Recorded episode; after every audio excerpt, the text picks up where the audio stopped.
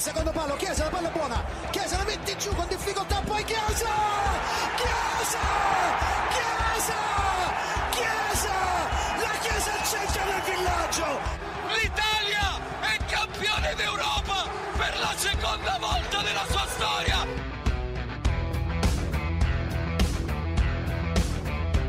אז רדיו אזורי, פרק מספר 4.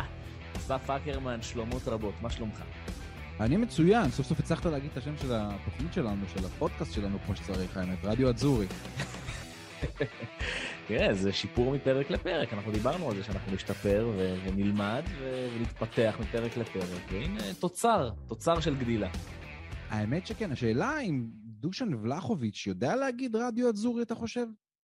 אני בטוח שהוא יודע להגיד אה, רדיו אזורי, אה, ואנחנו נדבר, נדבר על היכולות אה, של האיש הזה, אולי פחות היכולות הלשוניות והווקאליות, אבל יותר על יכולות כיבוש השערים והכספים שהוא יודע להוציא אה, ממועדונים מסוימים.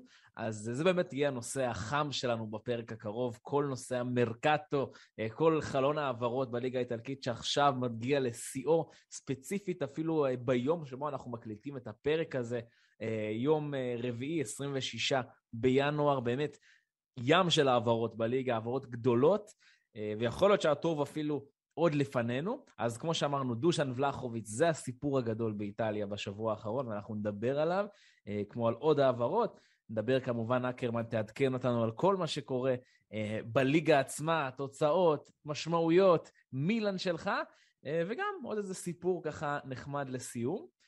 אז האם אתה מוכן להתחיל?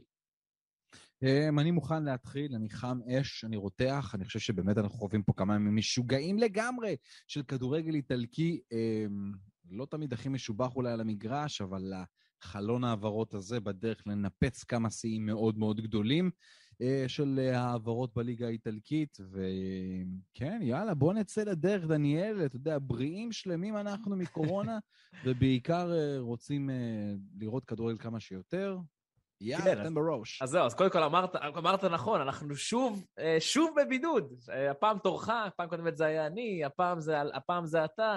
אה, ואתה יודע מה, אני אומר במרכאות במזל, גם ארד, המפיק שלנו, הוא גם כן עכשיו בבידוד, זאת אומרת, ניצלנו שניים באחד, זה טוב מאוד, זאת אומרת, הפרק הבא, בלי נדר, בלי נדר, אנחנו כבר מקליטים באולפן, ונקווה שגם נרוץ ככה, כי וואלה, אקרמן נמאס לי, בא לי להקליט באולפן, יותר כיף.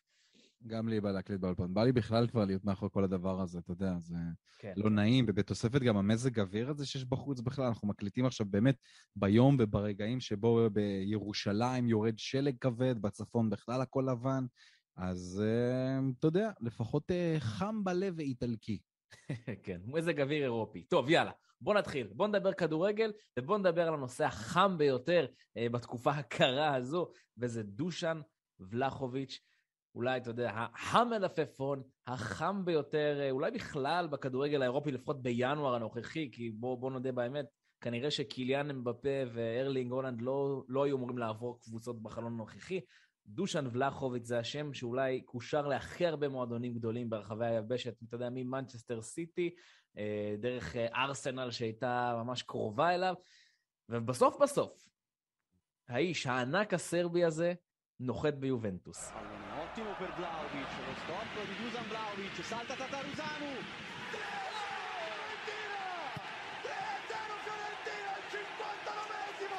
עוד לא באופן רשמי כמובן, עוד לא נוחת באופן רשמי דושן ולחוביץ', זה אמור לקרות אה, לקראת סוף השבוע, לפחות על פי מה שאנחנו מבינים כרגע בתקשורת האיטלקית, זה קבעו לו, אה, אה, נקרא לזה בדיקות רפואיות ב-J מדיקל בשבת. אז אתה יודע, משבת כבר הכל אמור לרוץ קדימה, אבל העסקה היא באמת כמעט סגורה כבר לחלוטין, כבר הסכימו על הכל, ודושן ולחוביץ' יהיה שחקנה של אה, יובנטוס. אה, מגה העברה, סכום העברה צפוי עם כל הבונוסים והכל אמור להיות באזור ה-75 מיליון יורו. זה המון, זה ישבור את שיא ההעברות של חודש ינואר בכל מה שקשור לליגה האיטלקית. אם אה, אני רק אזכיר ככה בקטנה את אה, לוקאש פקטה, שעבר, אה, מ- שעבר מפלמנגו למילאן, זה היה ב-39 מיליון, היה לנו את קולוסבסקי בעונה שעברה בינואר, שעבר מהאטלנטה ליובנטוס, ועוד לפני זה גם מילאן עשתה את זה ושברה כשהיא קנתה את קשישטוף פיונטק מגנואה למילאן. מה משותף אבל לכל ההעברות האלה בינואר, אתה יודע? שבינתיים זה די מתגלה כפלופ, אז בואו נראה לאן דושן ולחוביץ' ילך. אה, בנושא הזה, אבל זה באמת, אה, זה כבר שחקן אחר, זה לא, החבר'ה שהזכרתי זה לא באותו קליבר, זה לא אותו דבר. דושן הוא מלך השערים של הליגה האיטלקית, נכון שפיונטק לדעתי גם היה שם באזורים הללו, אבל פיונטק, אבל אה, דושן הוא כבר לא עונה ראשונה שהוא משחק את הכדורגל המדהים שהוא משחק, ועד כמה שהוא באמת killer, killer instinct. 21 משחקים, 17 שערים, אני מדבר רק על הליגה, תוסיפו לזה עוד בגביע שיש לו עוד שלושה שערים. אמ, בעונה שעברה הוא כבש 21 שערים ב-34 משחקים, זה מספרים מאוד מאוד יפים, אז הוא מגיע ליובנטוס, הוא יחזק אותה. יש פה המון משמעויות, כי מצד אחד זו גם העברה מאוד גדולה, ויובה מקבלת את כל יחסי הציבור והכל, וברמה הכלכלית, אם תרצה, תכף גם ניגע בעניין הזה, שאיך בכלל יובה יכולה להרשות לעצמה דבר כזה. יובנטוס מחלישה באופן מאוד חזק יריבה שלה, אולי לא לליגת האלופות באמת, אבל יריבה לאירופה, זה, זה בטוח. וזה חתיכת מעבר מאוד גדול אה, שיובל מצליחה לעשות פה, היא מנצחת כאן בענק. בהחלט, בהחלט. אה, ואני אוסיף קצת על הנתונים שדיברת על, על ולחוביץ', אז קודם כל, אה, למי שלא מכיר אולי את האיש, חלוצה של פיורנטינה, בן 21, מטר ותשעים, רגל שמאל קטלנית, חלוץ נבחרת סרביה, אה, העונה בכל המסגרות, אוקיי? אתה דיברת מספרים אה, של הליגה, טיפה על הגביע, בכל המסגרות כולן יחדיו, 31 הופעות, 25 שערים ועוד 4 בישולים, זאת אומרת מעורבות ב-29 שערים ב-31 משחקים, זה כמעט שער למשחק. אה, באמת, חיית רחבה, כמו שאמרנו. אגב, פנדליסט בחסד עליון, העונה 7 מ-7, בעונה שעברה 6 מ-6, זאת אומרת, האיש פנדליסט על. אמ, ואת כל 25 השערים שלו העונה, אה, הוא כובש ב-XG של 20. זאת אומרת, אם מחשבים את הסיכויים שלו אה, לכבוש, אתה יודע, החישוב הוא שהוא אמור להבקיע באזור ה-20 שערים, בפועל הוא כובש 25% יותר ממה שהוא היה אמור להבקיע, אה, ומה שרק מעיד על כמה האיש הזה קטלני, כשרוב השערים שלו גם באים באמת מתוך הרחבה. חיית רחבה יובנטוס מקבלת. אמ, כן, חיית רחבה אמיתית. יש לו כמובן גם את המינוסים שלו, צריך לומר את האמת, אנחנו מקבלים עכשיו גם בימים האלה כל מיני אה, חשבונות scouting שעושים עבודה מאוד מאוד מאוד יפה ומנסה לנתח באמת עד כמה אה, דושן ולחוביץ', עד כמה, מה, מה החסרונות ומה היתרונות שלו. אני חייב להודות שבטוויטר אנשים התחילו להפתיע אותי באמת בכמה, בכמה ניתוחים נכנסו לעומק, ליכולות שלו והכל, אז זה מאוד מאוד יפה ושווה לקרוא את הדברים הללו. אה, אבל באמת, דושן ולחוביץ' מביא עכשיו. ליובה אמ, משהו שלא היה לה, שלא היה לה מספר תשע אמיתי. זאת אומרת, אין מה לעשות, אלברו מורטה, בואו נאמר את האמת, פשוט אכזבה אחת אדירה בעונה הזאת, בקדנציה הזאת ביובנטוס, זה לא זה לחלוטין. אה, אז ולחוביץ' כאן אה, מביא דברים אחרים לגמרי. אממה, אני חייב לומר את האמת, זה כל פעם מחדש צריך לשים לב לדברים האלה. לשחק ביובנטוס ולשחק באינטר או במילאן, זה לא אותו דבר כמו לשחק בפיורנטינה אה, פארמה, אני לא רציתי להגיד ססוולו, כי פאר, כי פיורנטינה לגמרי זה מועדון הרבה יותר מססוולו למשל, אבל זה לא אותו דבר. זה באמת כד... סטייל אחר, זה לחץ אחר, אה, זה דרישות אחרות לגמרי, ופה ולחוביץ', שהוא ממש אה, בעוד יומיים הולך להיות בן 28, ונאחל לו מזל טוב ליום הולדת. 22. נכנס למקום, כן, כן, סליחה, להיות בן, בעוד יומיים הוא יהיה בן 22. זה משהו שהוא הולך לחוות בפעם הראשונה לדעתי אה, ברמת לחץ ולקבל, אה, ולקבל את יובנטוס אה, פתאום, מה שנקרא, אבל באמת זה הולך להיות עליו. זה הולך להיות עליו ההתקפה של יובל. בהחלט, בהחלט. זה, שמע, קודם כל באמת, הוא, הוא פיגורה מרשימה מאוד, האיש נראה כמו אל יווני, ובאמת יהיה מעניין לראות איך... אתה יודע מה, סליחה שאני, סליחה שאני עוצר אותך, אנחנו דיברנו על המספרים שלו והכל, אבל גם צריך להוסיף את מה שהוא עשה בנבחרת. זאת אומרת, הוא בשמונה משחקים במוקדמות המונדיאל כבש ארבעה שערים. זה לא מעט לשחקן נבחרת. זה מספרים מאוד מאוד יפים, צריך להוסיף את הדבר הזה. בהחלט, חד משמעית, חד משמעית. אה, וצריך גם לדבר על האפקט שהוא, מה שנקרא, את אפקט הדומינו, אה, שעלול להיווצר בעצם מה, מההעברה הזו. אז אחד מהדומינואים האלו כבר אה, נפלו, הכוונה היא שכבר התרחש מעבר בעקבות הדבר הזה. פיורנטינה כבר מגיעה לסיכום עם באזל על חלוץ, חלוץ חדש, אר, ארתור קברל, חלוצה הברזילאי של באזל, בעצם פיורנטינה משלמת לשוויצרים 16 מיליון יורו, העסקה הזו כבר, אה, היא קרובה לסיכום, עוד לא סוכמה סופית, אבל אה, נראה שפיורנטינה כבר בדרך אה, אה, למלא את השורות. ונושא נוסף בעצם שצץ בגלל הגעתו של ולחוביץ' ליובנטוס, זה מעמדו של אלברו מורטה, ש- שהנושא הזה כבר צץ בתחילת החלון, עכשיו הוא צף מחדש לקראת סופו. כן, גם פה, אבל אתה יודע, זה שרשרת כל הזמן שמזינה את עצמה, כי יש המון המון פעולות שצריכות לקרות כדי שזה ילך וזה יבוא. זאת אומרת, אז ולחוביץ' עוזב, מגיע קברל מבאזל, אגב, מספרים מדהימים גם לקברל בליגה השוויצרית, מדהימים, באמת, יש פה פוטנציאל מאוד מאוד טוב, וכולל את פיונטק שהם כבר רכשו אותו, אה, שהגיע אליהם. לגבי אלברו מורטה, זה יותר תלוי, ברצלונה רוצה אותו, צ'אבי רוצה אותו, אין ספק. ליובנטוס זה מאוד יתאים גם שהוא ילך, כי היא חוסכת פה משכורת וחוסכת עוד אה, סכום השאלה שהיא צריכה לשלם, וזה סכומים לא קטנים. אה, ו, אבל, אבל זה גם תלוי בברצלונה, זאת אומרת, מה היא עושה עם הסגל שלה. ברסה צריכה לשחרר שחקנים, אין ברירה. זאת אומרת, אם דמבלה הולך, אז, והולך כבר עכשיו ברמת מכירה פלוס השכר שלו, שלא צריך לשלם יותר, אז מתפנה לברצלונה כסף ובהחלט יכולה להביא את אלברו מורטה. נכון, אבל... אם לא, אז uh, היא, היא בבעיה כלכלית מסוימת, למרות ששוב, יש לה עוד שחקנים שכנראה ישוחררו ומשוחררים.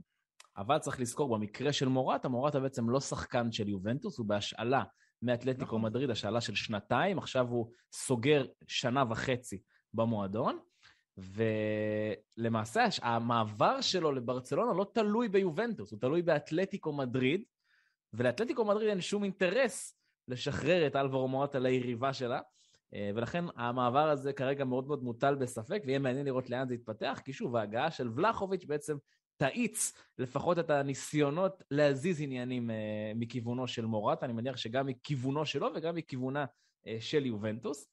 בואו נדבר על עוד העברה מעניינת שבעצם נסגרת היום, אה, והיא מגיעה מכיוונה של אינטר, בעצם אה, עוד מעבר בתוך איטליה בין קבוצה, נקרא לה דרג 2, למרות שהאטלנטה היא כבר לא דרג 2, אבל נקרא לה דרג 1.5, לקבוצת דרג 1 מאטלנטה אה, לאינטר, רובין גוסנס עובר לאינטר, וזה מעבר מאוד מעניין מבחינתי. Um, אני מסכים איתך, רובין גוסנס, זה נכון שזה מעבר מאוד מעניין. אמנם בסיטואציה קצת מוזרה, כי רובין גוסנס בסך הכל שיחק ארבעה משחקים מהעונה, הוא עדיין פצוע, הוא עדיין לא יכול לשחק. Uh, ייקח לו קצת זמן עד שהוא באמת יהיה בריא, אבל אין ספק שהגרמני מביא איתו, uh, גוסנס שיחק שישה משחקים מהעונה, האמת, שישה משחקים שיחק.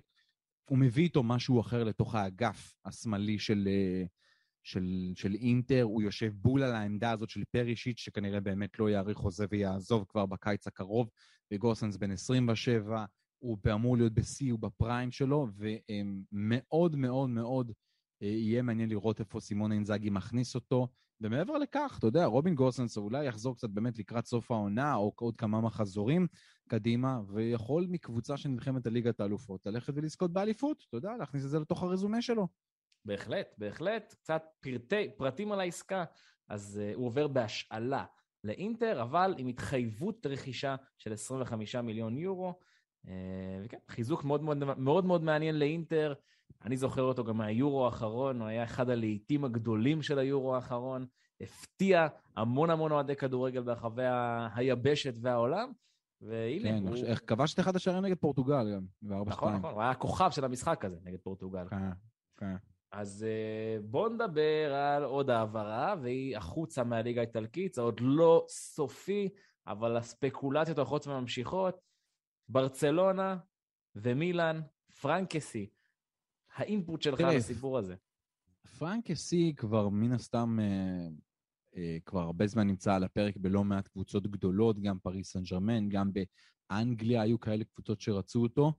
אה, הוא לא מעריך חוזה במילאן, אנחנו כנראה בדרך לעוד אה, העברה, עוד אה, אה, סטייל דונרומה כזה, ששחקן שלא מעריך את החוזה, וזה לא פעם ראשונה שזה קורה.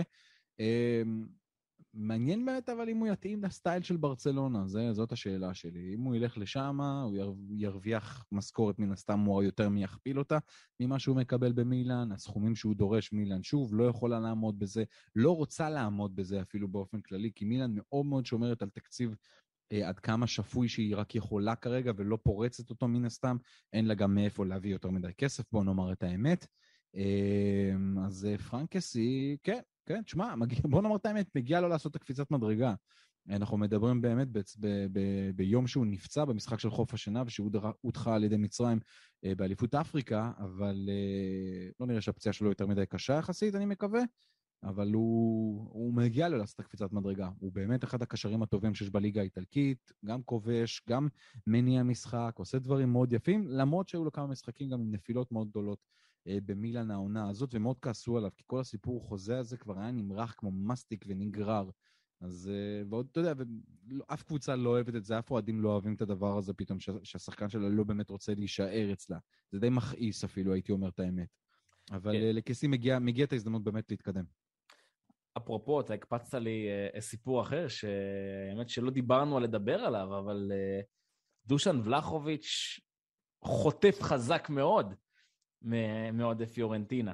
על המעבר נכון. הזה. אבל אנחנו, אתה יודע כן. מה, אנחנו נדבר, אתה יודע מה? חכה, חכה. בוא נשמור על זה. יש לי עוד טייק על ולחוביץ', אתה יודע, כן, לא דיברנו כן, מה כן. זה עושה כנראה לפאולו דיבלה. נכון, נכון, אז זהו, נדבר גם על זה, נדבר על הכל.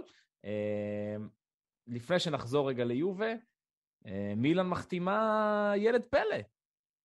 אמ, אתה מדבר על לזטיץ', כן. כן, לזטיץ' הוא אה, שחקן סרבי שמגיע מהליגה הסרבית, הוא באמת כישרון אה, צעיר, בן 19 בסך הכל, אה, עם לא מעט שערים. יש לך את המספרים שלו מול הפרצוף שלך, או שאני אתן אותם?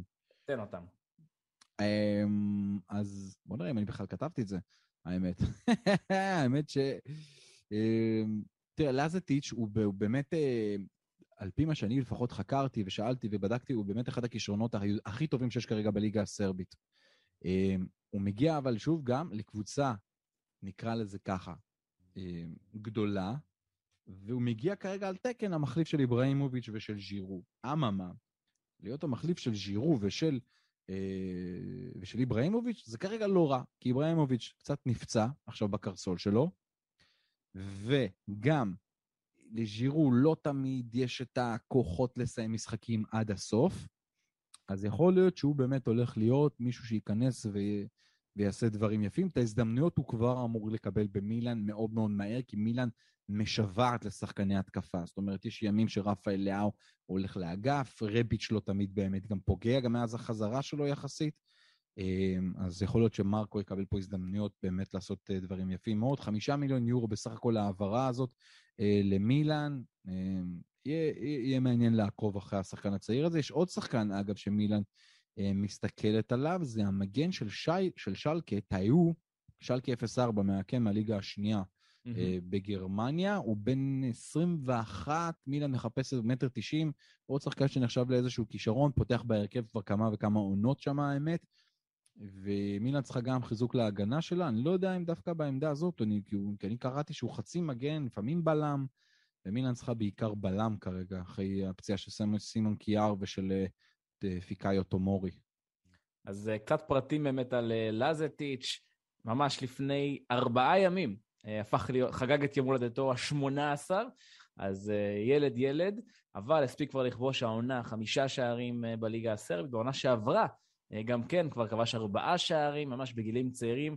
דיברנו על סרבים ענקיים, ולחוביץ', לזטיץ' גם כן, מטר תשעים ושניים, רגל ימין חזקה, ויהיה באמת מעניין לראות איך הוא ישתלב במילאן. ודיברת על יובה, אז בואו נחזור שוב פעם ליובה, כי יובה, אה, עם, עם העובדה שהיא מביאה את אה, ולחוביץ', היא גם מנסה להיפטר אה, מכמה משחקניה, רודריגו בן תקור במשא ומתן עם אסטון וילה, וארתור אולי עובר לארסנל בהשאלה, ודיברנו בפרק, כן. הקוד, בפרק הקודם, או בפרק הקודם-קודם, אני כבר לא סגור על זה, על העובדה שדז'אן קולוסבסקי צפוי להישאר, אבל כרגע ממה שאני קורא בדיווחים באיטליה, יובה בעצם אה, מעוניינת אה, להשאיל את האיש. יובה מעוניינת להיפטר משחקנים כדי לפנות אה, בתקציב שלה כסף, כי היא הולכת לבזבז פה לא מעט על ההגעה הזאת של ולחוביץ'. אמ, אז ננסה לעשות איזשהו סדר בסלט. יש כמה שחקנים באמת שמועמדים ללכת, אחד מהם זה רמזי, שהם מתים שיעוף, וכי הוא מאוד מאוד חזק כי יושב על השכר, לאו דווקא בדמי העברה. מאוד חזק, מרוויח הרבה כסף ביובנטוס. יש את ארתור, שגם כן יובנטוס מנסה למצוא לקבוצה אחרת, וקולוסבסקי. אז זה עוד אחד מהשחקנים האלה, כולל בן תנקור, שבאמת עליו גם אפשר לעשות איזשהו סכום העברה לא רע, ויובה צריכה את הכסף. אמ, מה שכן, אבל הדבר הכי מעניין, זה מגיע ולחוביץ' ולוקח שכר של 7 מיליון יורו לעונה, וסכום העברה של כמעט 70, יותר מ-70 מיליון יורו, כולל בונוסים. מה זה עושה לפאולו דיבלה, שלא האריך חוזה, שדחו אותו רק לדיבור בפברואר על החוזה הבא וייתנו לו הצעה כנראה יותר נמוכה. עכשיו גם תשאל, רגע, בעצם למה ריבבנה ואניאלי ונדווד, אה, כל אנשי ההנהלה של יובנטוס אמרו דווקא פברואר? למה פברואר? כי בפברואר חלון העברות כבר נסגר, כבר בזבזת את הכסף. אתה יודע מה נשאר לך באקסל, הלאה, קדימה, אתה יכול להסתכל על זה. וכנראה שלא הולך להישאר הרבה. אז האם הדבר הזה הולך ומסמן את הדרך האמיתית של פאולו דיבלה החוצה מיובנטוס? שאלה מצוינת, אה, ושוב, זה באמת דיון שקיימנו בפרק הקודם, אה, על, אתה יודע, על, על מה מרגיש... אבל אני חושב שזה דוחף, אני חושב שזה דוחף אותו יותר החוצה. אני, אני מסכים איתך. אם אני הייתי הוא, זה, זה, זה בהחלט היה דוחף אותי החוצה, ואני הייתי מהסנגורים שלו. Uh, אתה יודע, מהסנגורים דווקא של יובה, סליחה, בפרק הקודם, לי, אני חושב שכן יש פה שני צדדים למטבע, וכן צריך להבין את שני הצדדים, אבל כן, כשמועדון עכשיו מוציא במכה סכום אדיר כזה, ולא מוכן לשדרג במעט את החוזה של אולי הכוכב הכי גדול של הקבוצה בשנים האחרונות, אז כן, אין ספק שזה עושה משהו, זה מזיז משהו. אה, ואגב, בימים האחרונים הדיווחים הם, הם, הם אה, אה, לכאן ולכאן בנושא של דיבלה. ממש היום, קושר לליברפול, מעניין, לא יודעת mm, כמה זה וואו. אמין, אבל השם ליברפול ככה קושר לשמו מס, ככה ממספר מקומות. נחכה ונראה, חזון למועד. הוא יכול להיות לשחק כמעט בכל קבוצה, פאולו דיבלה. אני לא חושב שזה משהו מחסום מסוים. עבורו, ברמת הכישרון, ברמת הפוטנציאל. וואי, קודם כל לשחק תחת קלופ זה נראה לי חלום של כל שחקן, אה, ובקבוצה כמו ליברפול, יכול להיות uh, נהדר. Um, הוא פחות, uh, לא, האמת שהוא דווקא יכול לשבת להם טוב, זה אומר אבל שצריך uh, למכור שם גם איזשהו משהו בהתקפה. כי הוא קצת יושב על חצי ז'וטה, חצי סאלח כזה אולי בעמדה. אה, מעניין לי לראות. אגב, אני בדיוק קורא גם עכשיו, תוך כדי שאנחנו מדברים, שרובין גוסנס וגם פליפה קייסדו, החלוץ של גנואה, אה, אמור להגיע לאינטר מחר כדי לעשות בדיקות רפואיות. מי שהשם פליפה קייסדו מצלצל לו כמובן מוכר, זה אותו חלוץ שהיה אה, ביחד עם אינזאגי בלאציו, אחד מאנשי סודו נקרא לזה ככה, איש שהוא מאוד מאמין בו, אז יוכל להגיע לאינטר ולקחת חלק אה, במאבק שלה על הסקודטו.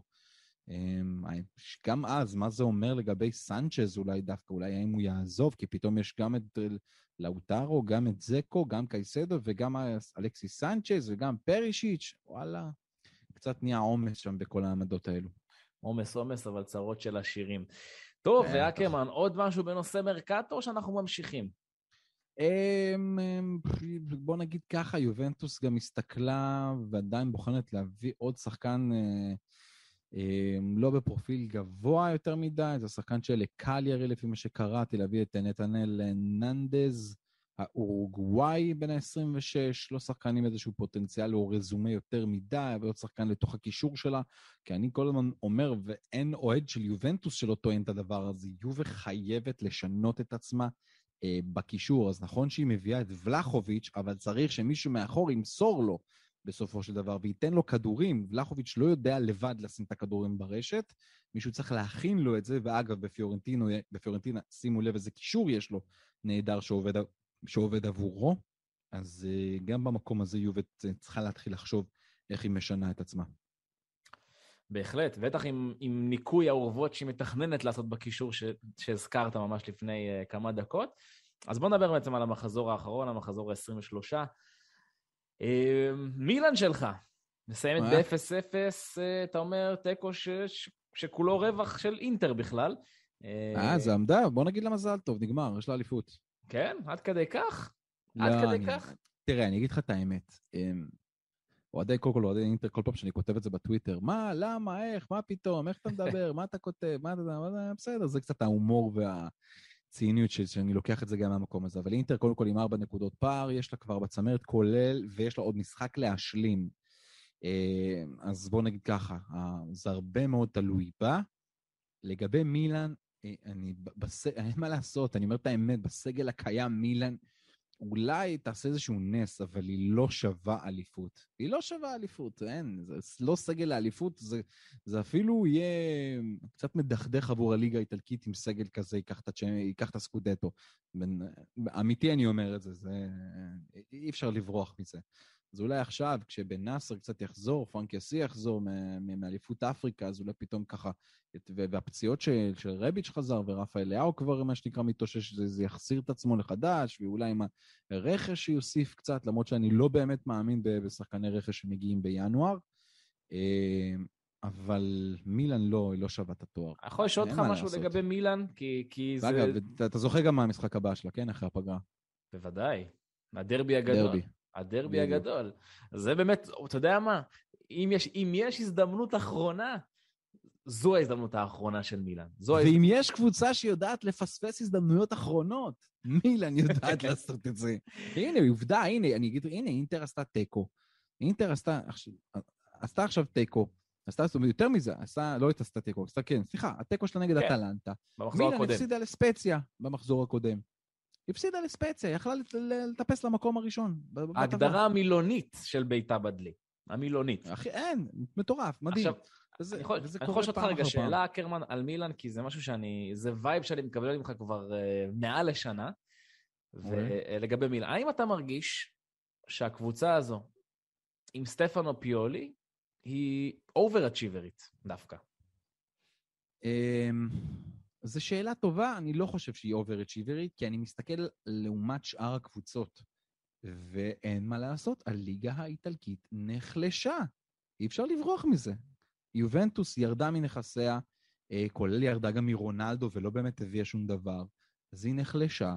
נפולי גם קצת נחלשה, אין מה לעשות, ואינטר התחזקה, והתחזקה וגם שמרה על כוחה, אז אה, אז קבוצה כמו מילאן יכולה לבוא קצת יותר מאחור עם הסגל שלה, שהיה יחס צעיר, שהיה ב, ב, ב, לא עם הרבה ניסיון, והשתכלה לתוך הרביעייה הראשונה, ועשתה את זה בצורה יפה. אובר אצ'יברית בליגה לא, היא נמצאת במקום שהיא צריכה להיות, במקום השני-שלישי, אה, אבל לאליפות זה לא מספיק מול הסגל שיש לאינטר. וגם אינטר, ויקומו אוהדי אינטר, ובצדק יגידו, תשמע, אנחנו משחקים כדורגל לא משהו בתקופה האחרונה, כן? לא משהו. גם הניצחונות שלה האחרונים, זה הכל דקות 90 במה שהיא עושה. זה מדהים אפילו עד כמה. ניצחה עכשיו את המשחק האחרון שלה נגד ונציה עם גול של זקו. נגד אמפולי, בתוך ההערכה, כבשה את השלוש-שתיים. אה, נזכיר אה, את הסופרקאפ שלה נגד יובנטוס, דקה 120 איך היא לקחה אותו. אה, ואז 0-0 נגד אטלנטה, שהיא לא הצליחה להבקיע עם הצגה של השוער של הסמיר אנדנוביץ'. אז גם היא בתקופה אגב, לא משהו. אז זהו, אני אעשה באמת סדר. מאז אותו 5-0 מול סלרניטנה, אי שם באמצע דצמבר, אינטר לא מנצחת בהפרש של יותר משער אחד, אוקיי? היה לה 1-0 על טורינו, 2-1 על לאציו, אותו 0-0 מול אטלנטה, אה, ועכשיו 2-1 על ונציה. ניצחונות דחוקים, קטנים, אבל שווים בדיוק כמו אותו 5-0 של סלרניטנה. ודיברנו גם בפרק הקודם על, ה- על השילוב הזה אה, בין ג'קו לדנזל דאמפריז, והשילוב הזה מביא לאינטר שלוש נקודות במחזור האחרון. אה, כן, עוד משחק. שוב, היא לא הייתה טובה, היא אפילו הייתה בפיגור. ו... אבל, אה, וראית כמה היא, היא לחצה, זאת אומרת, אינטר הייתה שם בדקות לא טובות, לצד דקות מצוינות שהיא לחצה ודחפה וניסתה, ולא הלך. אבל אז, המאמן שלה עשה את החילוף הנכון, הכניס את דנסל דמפרס דקה 73. בסוף דקה 90 גם נתן בישול, נתן בישול לאדין זקו לגול, לשער הניצחון. אין, זקו זה מדהים. השחקן הזה פתאום, איך, איך הוא יודע למצוא את המיקום המושלם הזה, שער תשיעי שלו העונה, בן 35. באמת באמת ש... שהוא, שהוא, שהוא, שהוא כיף לראות אותו, את התזוזה שלו על המגרש, פתאום איך הוא נמצא במקומות האלו הכל כך נכונים. אמ, ניצחון, כמו שאמרת, ששווה שלוש נקודות, אבל כן אינטר צריכה קצת לעשות חושבים, כי לוח המשחקים שלה אומר עכשיו שמאני טיים עד הסוף, זאת אומרת, יש איזושהי פגרה באמת שאולי אינזאגי, יש לו דווקא את רוב השחקנים איתו, אין, אין לו, חוץ מלאוטרו מרטינז וארתורו וידל וסנצ'ז, אף אחד לא באמת אמור לעזוב אה, למוקדמות, אה, המוקדמות בדרום אמריקה ו, ומוקדמות נוספות שיש ברחבי העולם, כמו אסיה וכו', כי באירופה אין הרי שוב משחקים בינלאומיים של מוקדמות מונדיאל. ואני חושב שיש לו זמן לעבוד איתם כמו שצריך וגם קצת חופש, כי המשחקים הבאים של אינטר זה ככה, דרבי, אגב, העלו את הקהל ל-50% תפוסה, זה אמור להיות באזור 40 אלף איש.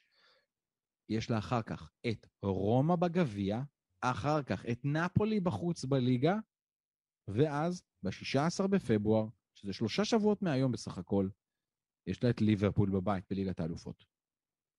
ואתה עדיין, מכ... ואתה עדיין מכתיר אותה כאלופה, בטוחה. בוא נגיד ככה, זה, משחק המב... זה באמת משחקי המבחן שלה, אבל היא עדיין, מה היא תאבד נקודות? היא יכולה לאבד נקודות נגד מילאן, רומא, ו... אה, מילאן, סליחה, ונפולי, כאן בתוך הליגה, כי רומא זה גביע.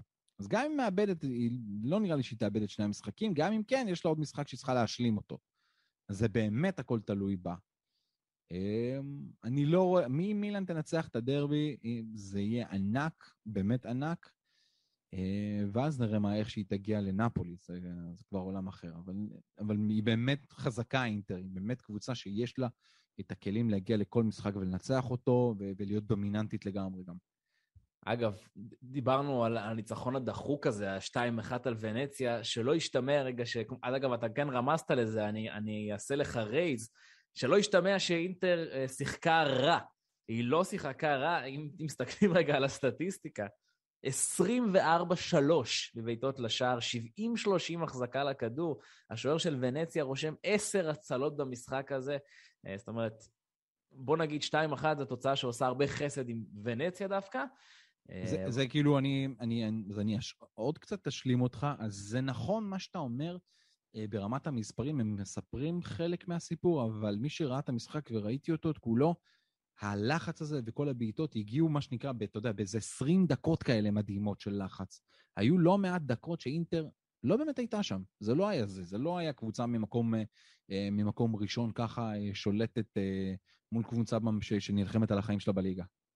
אבל אתה יודע, תשמע, לא, אני חייב, לה, אבל אני, אני קצת לא מסכים איתך פה, כי גם קבוצה אלופה לא חייבת לתת 90 דקות טובות. זאת אומרת, נכון. קבוצה נכון. אלופה נותנת את ה-20 דקות הקטלניות שלה, זה אמור להספיק מול רוב הליגה. מול רוב הליגה. קבוצה, אלוף, קבוצה אלופה מנצחת גם כשהיא לא טובה, זה הקטע. והנה, זה, זה הדוגמאות במשחקים הללו. בגלל זה הייתי, אני כאילו באמת התפללתי שהיא תאבד נקודות שם, אמרתי, יאללה, כי זה היה לפני המשחק של אה, מילה נגד יובנטוס, אז אמרתי, אולי, הנה, יש איזו הזדמנות. ואז בת זקו ופשוט שובר לך את הצורה, אתה אומר, אה, אי אפשר, אין. אין. כל, אני אומר שוב, כל, אתה רואה את המשחק הזה ואתה אומר, כל קבוצה אחרת מסיימת בתיקו את המשחק הזה. אבל אינטר היא לוקחת את זה. היא שלוש נקודות לוקחת. זה ההבדל הגדול. כל קבוצה אחרת בליגה הייתה מסיימת בתיקו עם ונציה, למרות הלחץ, למרות הבעיטות, כי, כי באמת השוער של, של ונציה, לזריני, היה נהדר. אבל הנה, אינטר ניצחה. בהחלט. אה, ודיברנו קודם על סלרניטנה, שהיא הקבוצה האחרונה שחטפה חזק מאינטר, אז היא גם חטפה חזק מנפולי במחזור האחרון, ונפולי בעצם מנצלת את המעידה של מילאן כדי לעבור אותה בטבלה ולהיות כן. במקום השני. נכון, מנצחת את ה-4-1. אגב, סלרניטנה, בואו חצי מילה באמת על עניין העברות. אה, יש דיבור של וולטר סבטיני עם דייגו קוסטה, אולי להביא אותו. זה יכול להיות דווקא אה, איזשהו חיזוק מרענן, דייגו קוסטה לא כזה מבוגר, ובאמת יכול אולי לעשות איזשהו שינוי בקבוצה. זאת אומרת, הוא מגיע בחינם, צריך לשלם לו רק משכורת, הוא שוחרר מהקבוצה שלו מברזיל, אז נראה לאן זה ילך, אבל שוב, זה באמת היה לא כוחות בעליל. נפולי מהרגע הראשון הראתה לנו שהיא לגמרי, ב... לגמרי חזרה לזון שלה, ואם ז'ואן ז'זוס אפילו כובש שער, אז צריך להבין שזה ילך אפילו יותר בקלות עבור נפולי. סלרניטנה צריכה לעשות... יהיה לה קשה מאוד להישאר בליגה, אני פשוט באמת לא רואה את זה קורה בכלל. לא מתקרבת לרמה עד, עד, שצריך לשחק בסריה אמ, ציון דרך כמובן ללורנצו אינסיניה, כבש את השער ה-115 שלו, משתווה לדייגו. ארמנדו מרדונה, אמ, וגם אוסימן שחזר, דקה 64 כבר נכנס, עוד משחק, אה, ויקטור אוסימן הניגרי, לאט לאט יחזור לעניינים, כי איתו נפולי היא הרבה הרבה יותר קטלנית, וכן, הנה, מקום שני. אפרופו, דיבר, אגב, מקום שני, אוקיי, 49 נקודות בעצם משתווה למילאן, שכמו שאמרנו, מעדה, אבל הפרש שערים עדיף לנפולי. ופה רק. נזכיר למאזינים שלנו, שמה שנקרא, כל עוד לא הושלמו שני המשחקים בין, בין הקבוצות ב- בליגה, אז ההפרש שערים קובע. ברגע שהוא יושלמו שני המשחקים, אז זה יהיה קודם כל התוצאות בין הקבוצות. אם נפולי תנצח ובשני ייגמר תיקו, נפולי זו שתהיה מעל. לא משנה מה יהיה הפרש השערים הכללי. אז הנה, עשינו סדר גם בעניין הזה, כי יש כל פעם שאלות על הדבר הזה.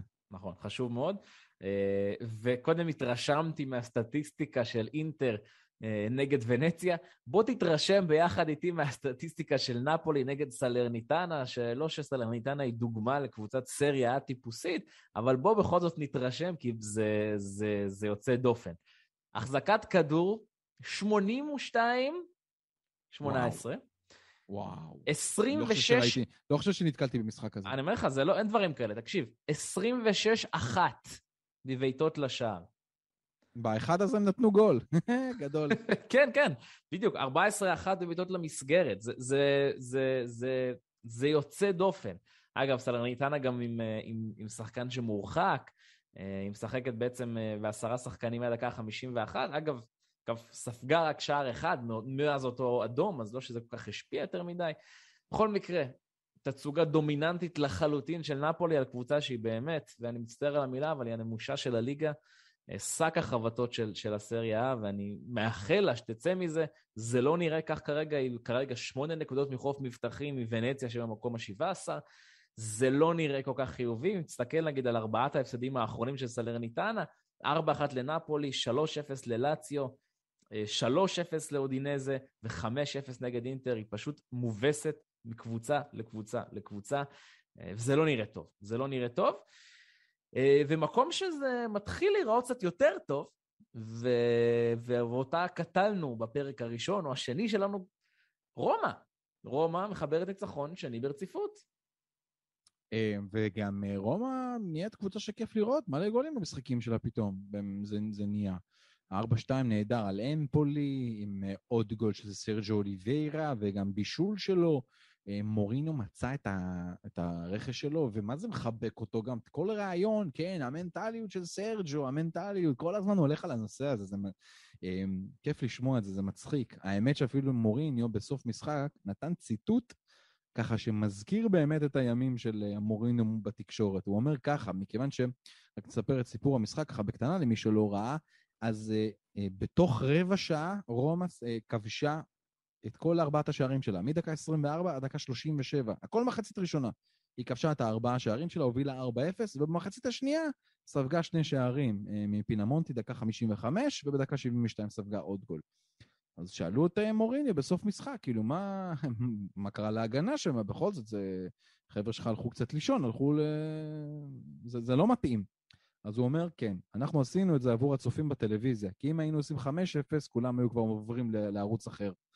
אז uh, זה מוריניו ככה, והוא מת, מתייחס לזה בצורה הזאת, uh, בפתיחות הדעת. אני יכול להגיד לך שבטוח שהוא לא היה מרוצה ברמה ההגנתית מהעניין הזה, אבל סרג'ו אוליברה באמת מביא איזשהו משהו אחר לרומא, וזה נראה טוב, באמת נראה טוב. כן, אז רומא בעצם עם הניצחון הזה, אה, היא עולה. למקום השישי, בעצם, אני לא יודע אם עולה בהכרח, אבל היא בורחת מפיורנטינה ומלציו, ששתיהן בעצם אוהדות. ועולה למקום עם 38 נקודות, שתי נקודות מפיורנטינה אה, ומילאציו, מתקרבת ככה ליובה, אה, סך הכל ארבע נקודות ממנה עכשיו. ורומא בעצם, דיברנו על זה בפרקים הקודמים, היא עכשיו, אה, כן, במקום שמוביל לליגה, לקונפרנס ליג, שזו התקדמות, כי היא לא הייתה שם עד כה. מאוד מסקרן אותי לראות את המאבק על הכרטיס על מקום ארבע. לא יודע אם זה ייפתח גם למקום שלוש, אבל למקום ארבע עם אטלנטה, יובה, רומא ופיורנטינה, שאולי עוד נמצאת שם בתוך המאבק הזה. אה, זה הולך להיות מאוד מסקרן, כל תוצאה פה היא, היא, היא כל כך משמעותית וקריטית. ויכול להיות שלך תדע, אולי עוד, אה, אולי עוד לאציו תצליח לזנב באחת מהן. אבל נראה שיש שם קרב עקוב, עקוב מדם, באמת, הולך להיות קשוח, אבל יובנטוס נזכיר, עשתה חיזוק מצוין לתוך חלון העברות שלה, אז נראה לאן זה הולך. ו- ולחילופין, פיורנטינה עשתה חילוש משמעותי מאוד בחלון ההעברות הזה, ויכול להיות כן. מאוד מאוד שזה ישפיע על המאבק שלה, וזה משרת מאוד קבוצות כמו רומא. כן, לגמרי. זה משרת את רומא, אבל גם רומא, אני חייב להודות, היא לא קבוצת צ'מפיונס ליג השנה. מקום בליגה האירופית, זה... קונפרנס ליג זה המקום שלה להיות, לא, לא יותר מזה. לא, כרגע לא מגיע לה, אבל uh, בואו נראה עד כמה באמת מוריניו הצליח עוד יותר לייצב את כל הספינה שלו. אז אנחנו, בואו נקריא רגע ככה בזריזות, אה, נעבור על כל תוצאות המחזור, ואז סיפור קטן לסיום, בסדר? סבבה? אה, סיפור קטן גדול לסיום. סיפור קטן ענק לסיום, אבל לסיום. אז ככה, אז אמרנו מילאן ויובה נפרדות אה, ב-0-0, רומא גוברת 4-2 על אמפולי, נפולי מביסה 4-1 את סלרניטנה, ספציה גוברת 1-0 על סמפדוריה, טורינו וססוולו נפרדות ב-1-1, כך גם קליארי ופיורנטינה 1-1, לטיו ואטלנטה עם 0-0, אינטר כפי שדיברנו גוברת 2-1 דרמטי על ונציה, גנואה ואודינזה נפרדות ב-0-0, וורונה מנצחת 2-1 את בולוניה. ועכשיו, פתחנו את הפרק הזה עם סיפורי mercato, עם המעבר הגדול, הצפוי, העוד לא רשמי, אבל בקרוב יהיה רשמי, של דושן ולחוביץ' ליובה. אה, ואקרמן, המעבר הזה עורר בך זיכרונות מן העבר.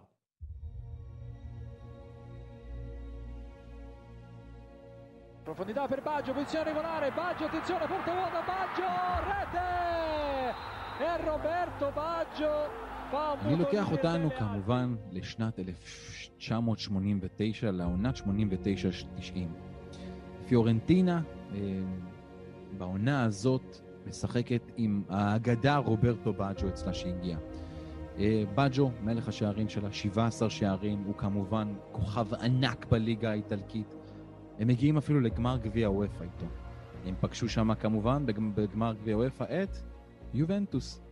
והגברת הזקנה, מוסיפה עוד איזה אש ליריבות שכבר התחילה לצוף אה, בין פירנצה לבין טורינו, ומנצחת אותה במפגש כפול. פיורנטינה לא שיחקה אגב בבית, כי הכינו את האצטדיון למונדיאל 90, אז שמו אותה בגומלין באבלינו, אתה לא מבין כמה זה רחוק, זה ממש בדרום אבלינו.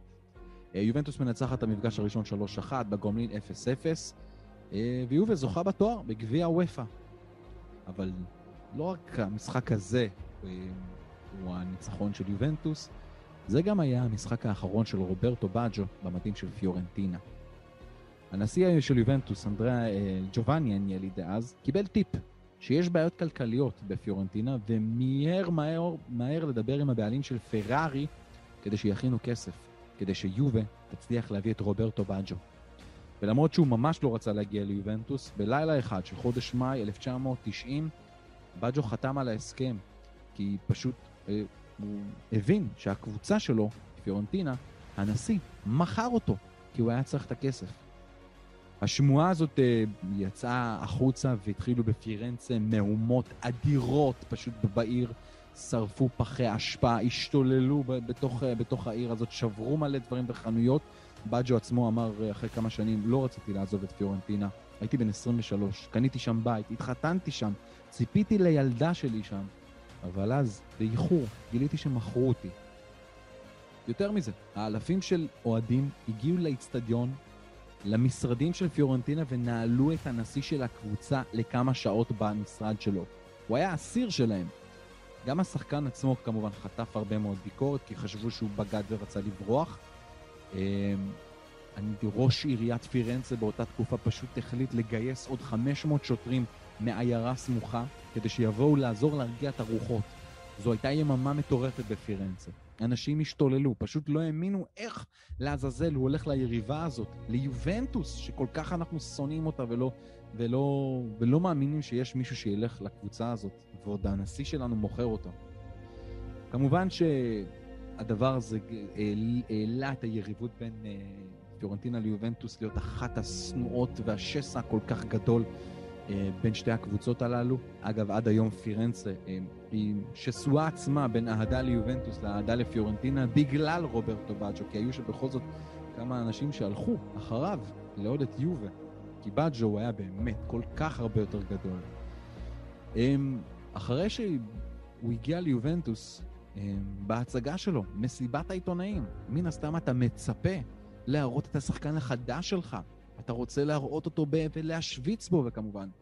אבל רוברטו באג'ו שנכנס לתוך חדר מסיבת העיתונאים כשחקן החדש של יובנטוס, עשה את זה לא בחולצה של יובה, עשה את זה בבגדים רגילים. אפילו שמו עליו צעיף של יובנטוס, הוא מיד הוריד אותו. הוא לא היה מוכן לשים אותו אפילו לשנייה אחת. היה לו קשה עם זה, מאוד מאוד קשה. הסיפור אפילו שלנו קופץ מדרגה.